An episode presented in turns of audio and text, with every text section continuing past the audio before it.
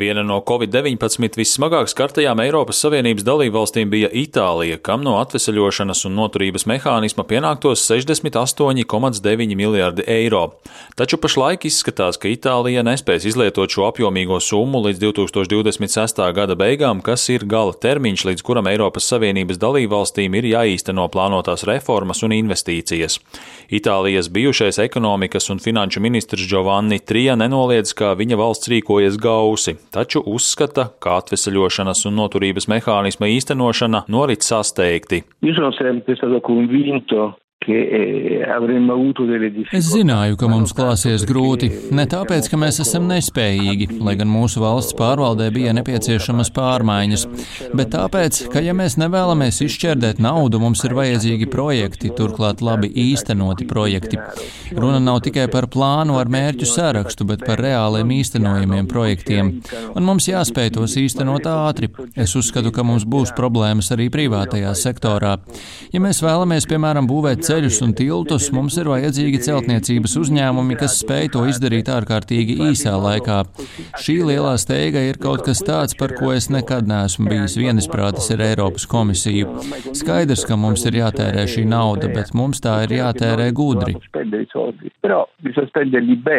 Trija piedāvā panākt vienošanos ar Eiropas komisiju par atsevišķu programmu pagarināšanu, lai tās varētu labāk īstenot un nelietderīgi netērētu naudu taču Itālijas valdība pagaidām nav vērsusies pie Eiropas komisijas ar lūgumu pagarināt līdzekļu izmaksu pēc 2026. gada. Šāda pagarinājuma panākšana būtu arī ļoti sarežģīta, jo tam ir nepieciešama visu 27 bloka dalību valstu piekrišana. Arī Bulgārijai īpaši nesokas ar pašas uzņemto saistību izpildi, lai varētu saņemt no Eiropas Savienības valsts ekonomikas atveseļošanai iezīmētos 6,27 miljārdus eiro. Tas ir saistīts ar ielgušo politisko krīzi, ko nespēja atrisināt arī aprīļa sākumā notikušās kārtējās parlamenta vēlēšanas. Sarežģījumus rada arī tas, ka Brisele vēlas, lai Bulgārija nāktu klajā ar konkrētiem priekšlikumiem, kā palielināt zaļās enerģijas patēriņu valstī.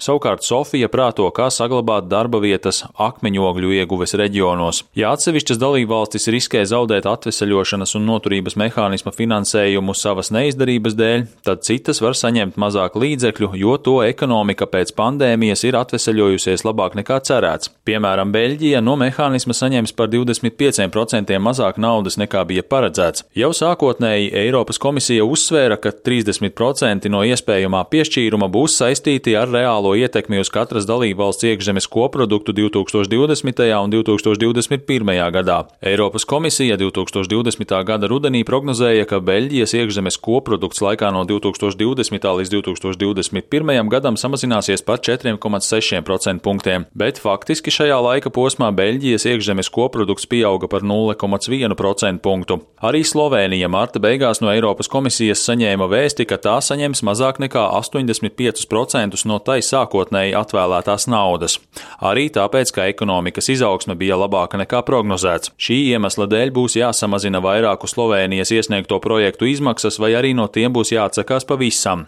Slovēnijas atveseļošanas un noturības biroja vadītājs Josips Mihaličs ir vīlies, taču uz notikušo raugās filozofiski. Potrebno je vedeti, da vlada je sprejela izhodišča. Valdība ir apstiprinājusi izējas punktus sarunām par plāna pielāgošanu. Pamatojoties uz tiem, mēs uzsāksim sarunas vai dialogu ar Eiropas komisiju un citām iesaistītajām pusēm, lai līdz aprīļa beigām nāktu klajā ar galīgu priekšlikumu. Mēs neesam atteikušies no naudas, nauda ir pieejama saskaņā ar Eiropas līmenī pieņemto regulējumu un jaunākajiem Eiropas komisijas aprēķiniem, kas veikti pagājušā gada vidū visas dalību valstis ir vienādā pozīcijā. Šajā kontekstā Slovēnija ir zaudējusi ievērojumu daļu no dotācijām piešķirtā finansējuma. Citiem vārdiem sakot, tie ir zaudēti līdzekļi. Savukārt Polijai un Ungārijai atvēlētie atveseļošanas un noturības mehānisma līdzekļi faktiski ir iesaldēti, jo Eiropas komisija bažījies par demokrātijas un tieslietu sistēmas stāvokli abās dalībvalstīs. Eiropas prokuratūras vadītāja Laura Kovesi nesen informēja, ka 2022. gada beigās visā Eiropas Savienībā bija aktīvas 15 izmeklēšanas saistībā ar mēģinājumiem izkrāpt līdzekļus no atveseļošanas un noturības mehānisma.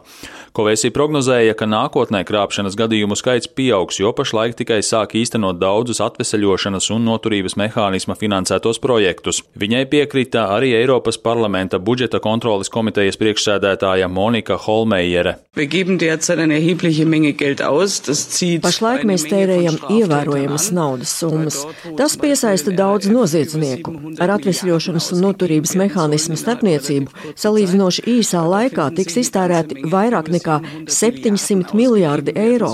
Tāpēc ir daudz cilvēku, kuri, maigi izsakoties, vēlētos redzēt daļu no šīs naudas. Tāpat kā attiecībā uz visiem Eiropas Savienības izdevumiem, arī šajā gadījumā ir ieviestas pārbaudes, lai nodrošinātu atbildību. Tomēr pirms mēneša Eiropas revīzijas palāta pauda bažas, ka trūkst pārbaudītu datu par to, vai un kā dalībvalstis pārliecinās, vai atveseļošanas un noturības mehānisma finansētie projekti atbilst gan Eiropas Savienības, gan valstu noteikumiem. Institūcija aicināja Eiropas komisiju labot šo situāciju. Uldis Česberis, Latvijas radio.